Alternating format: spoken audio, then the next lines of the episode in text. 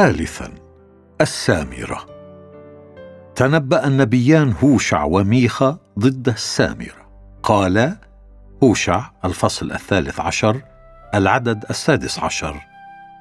تجازى السامرة لأنها تمردت على إلهها. بالسيف يسقطون. تحطم أطفالهم والحوامل تشق. ميخا الفصل الأول العدد السادس فأجعل السامرة خربة في البرية مغارس للكروم وألقي حجارتها إلى الوادي وأكشف أسسها. وفي هذه النبوة نرى الحقائق الآتية عن السامرة. واحد تسقط السامره بعنف هوشع. اثنان تصبح كومة خراب في البرية ميخا ثلاثة تزرع الكروم في موقعها. ميخا أربعة ترمى حجارتها في الوادي. ميخا خمسة تكشف أساساتها. ميخا وتاريخ السامرة قصير نسبيا وعاصف جدا. فقد كانت عاصمة المملكة اليهودية الشمالية إسرائيل. وفيها حدث الارتداد عن عبادة يهوة. وقد حاصر شلم نصر السامرة. وأكمل سرجون الحصار واستولى على المدينة عام 722 قبل الميلاد. ثم استولى عليها الإسكندر عام 331 قبل الميلاد. ثم استولى عليها جون هيركانوس عام 120 قبل الميلاد. وقد أحدث كل من الغزاة الثلاثة الخراب في المدينة وقتل الكثيرون من سكانها. وهكذا تحققت النبوة رقم واحد. يقول أحد المؤرخين عام 1697 إن سابستا هي السامرة القديمة وقد صارت الآن مزارع للكروم ولم يبق فيها سوى بعض الأعمدة في الجزء الشمالي لتنبئ عن مكان السامرة القديمة التي كانت عاصمة لعشرة أسباط من اليهود بعد انفصالهم عن حكم عائلة الملك داوود. أما في الجزء الشرقي فأطلال كنيسة كبيرة ولا يزال تل سابستا خصبا مزروعا بالكروم والتين والزيتون. ولما كانت الأرض تحرث باستمرار فمن الصعب العثور على أسس المدينة القديمة وحجارتها. وهكذا تحققت النبوتان رقم اثنين ورقم ثلاثة. أما تحقيق النبوتين أربعة وخمسة فتقرأه في وصف زائر لها يقول السامرة كومة كبيرة من الأحجار. حرثت شوارعها وتغطت بحقول القمح وأشجار الزيتون. لقد أخربت المدينة لكن أحجارها ألقيت في الوادي. وقد اكتشفت الأحجار القديمة الرمادية لقصور آخاب ملقاة على جوانب التل. واليوم نرى قمة التل حيث كانت السامرة مزروعة. ونرى وسط الزراعة أساسات الأعمدة التي تبين موقع القصور القديمه أما أسفل التل في الوادي فإننا نجد بقية أحجار أساسات المدينة. وهكذا تحققت النبوتان الرابعة والخامسة. ومن هذا نرى بوضوح يقول جون اوركارت لقد وقع الخراب على السامرة وتحقق التنبؤ الذي طالما ضحك منه سامعون. لقد أخذ المزارعون أحجار المدينة العظيمة وكوموها معا أو رموها في الوادي حتى يهيئوا موقع السامرة للزراعة. ويقول ستونر لو أن ميخا تنبأ هذه النبوات الخمس عن السامرة بحكمته البشرية لكانت نسبة نجاحه واحدا في أربعة فرصة التنبؤ بالخراب. في خمسة فرصة أن تصبح كومة في مئة فرصة أن يزرع مكانها بالكروم. في عشرة فرصة أن ترمى حجارتها في الوادي. في اثنين فرصة كشف أساساتها. أي فرصة واحدة من أربعين ألف فرصة. لقد وقع الخراب على السامرة وتحققت النبوة ضدها لأنها عبدت الوثن. وارتدت عن عبادة الإله الحقيقي. رابعا غزة وأشقلون. غزة وأشقلون مدينتان على شاطئ البحر الأبيض المتوسط غربي البحر الميت وقد جاء ذكرهما في النبوات. عاموس الفصل الأول من عام 775 إلى عام 750 قبل الميلاد. العدد الثامن. وأقطع الساكن من أشدود وماسك القضيب من أشقلون وأرد يدي على عقرون فتهلك بقية الفلسطينيين قال السيد الرب. إرميا الفصل السابع والأربعين من عام 626 إلى عام 586 قبل الميلاد. العدد الخامس أتى الصلع على غزة أهلكت أشقلون مع بقية وطائهم. حتى متى تخمشين نفسك؟ صفانيا الفصل الثاني من عام 640 إلى عام 621 قبل الميلاد. العدد الرابع.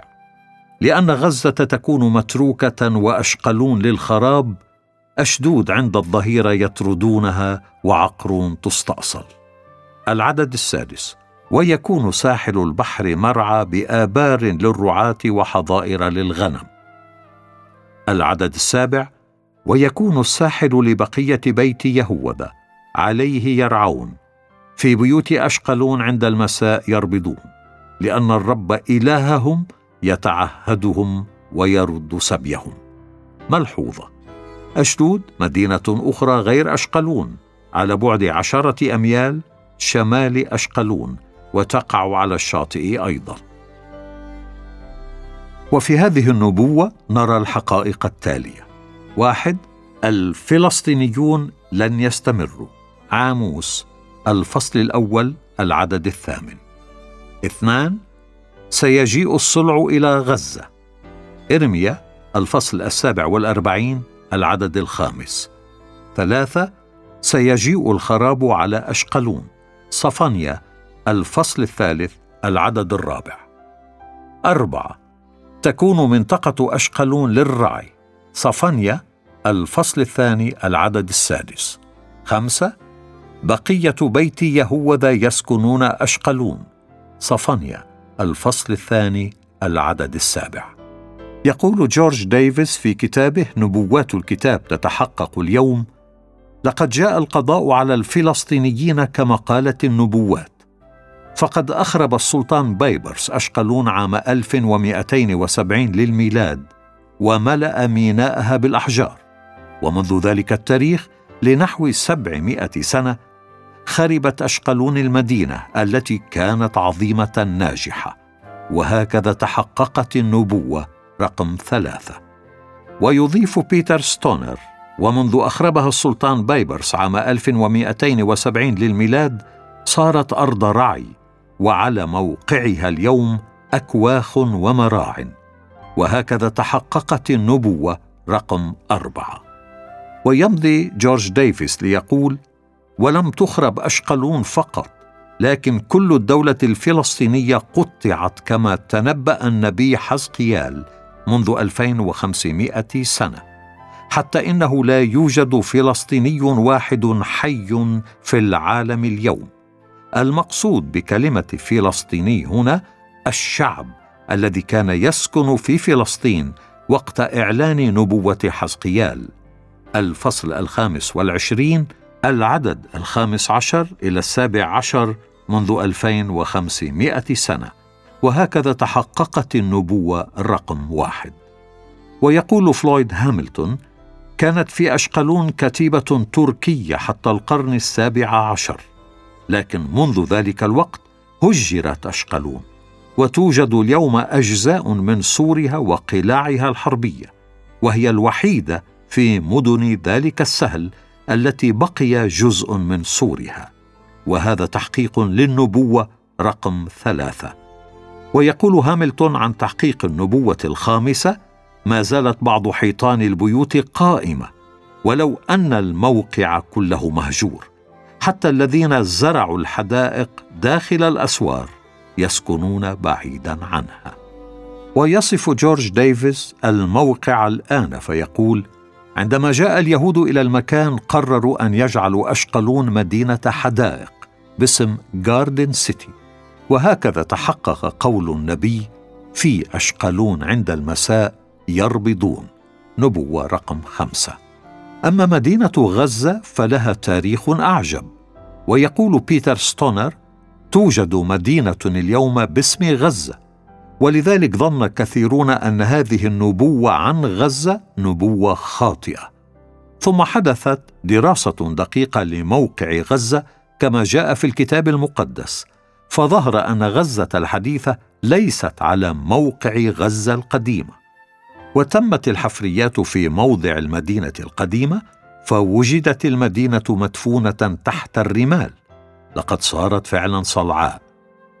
فأي وصف تعطيه لمدينة مدفونة تحت كثبان الرمال أفضل من أنها صارت صلعاء. وهكذا تحققت النبوة رقم اثنين. ويعلق جون أوركهارت على اختفاء غزة فيقول لقد ظهر أن غزة القديمة دفنت تحت الرمال تماما. وأن المدينة الحديثة لم تبنى على الموقع القديم. أما غزة الفلسطينية القديمة فهي على بعد ميلين من الشاطئ. وهي الآن مجموعة تلال رملية وهي صلعاء حتى لا يظهر حجر أو عمود للدلالة على المدينة القديمة. والعين لا ترى فيها حتى ورقة نبات أخضر. ومن هذا نرى بوضوح يقول بيتر ستونر الاحتمالات البشرية في تحقيق هذه النبوات هي واحد ضرب خمسة أن الفلسطينيين يختفون. ضرب مئة أن تغطي الرمال غزة. ضرب خمسة أن أشقلون تخرب. ضرب خمسة أن تكون أشقلون أرض رعي. أي أن فرصة تحقيق النبوة هي فرصة واحدة من اثني عشر ألف فرصة. خامسا مؤاب وعمون مؤاب وعمون مملكتان صغيرتان شرقي البحر الميت وتقع عمون إلى شمال مؤاب وقد وقعتا تحت العقاب الإلهي. حزقيال الفصل الخامس والعشرين العددين الثالث والرابع. من عام 592 إلى 570 قبل الميلاد. وقل لبني عمون اسمعوا كلام السيد الرب. هكذا قال السيد الرب. من أجل أنك قلت ها على مقدسي لأنه تنجس وعلى أرض إسرائيل لأنها خربت وعلى بيت يهوذا لأنهم ذهبوا إلى السبي. فلذلك ها أنا ذا أسلمك لبني المشرق ملكا فيقيمون صيرهم فيك ويجعلون مساكنهم فيك هم يأكلون غلتك وهم يشربون لبنك. إرميا الفصل الثامن والأربعين العدد السابع والأربعين من عام 266 إلى 568 قبل الميلاد. ولكنني أرد سبي مؤاب في آخر الأيام يقول الرب.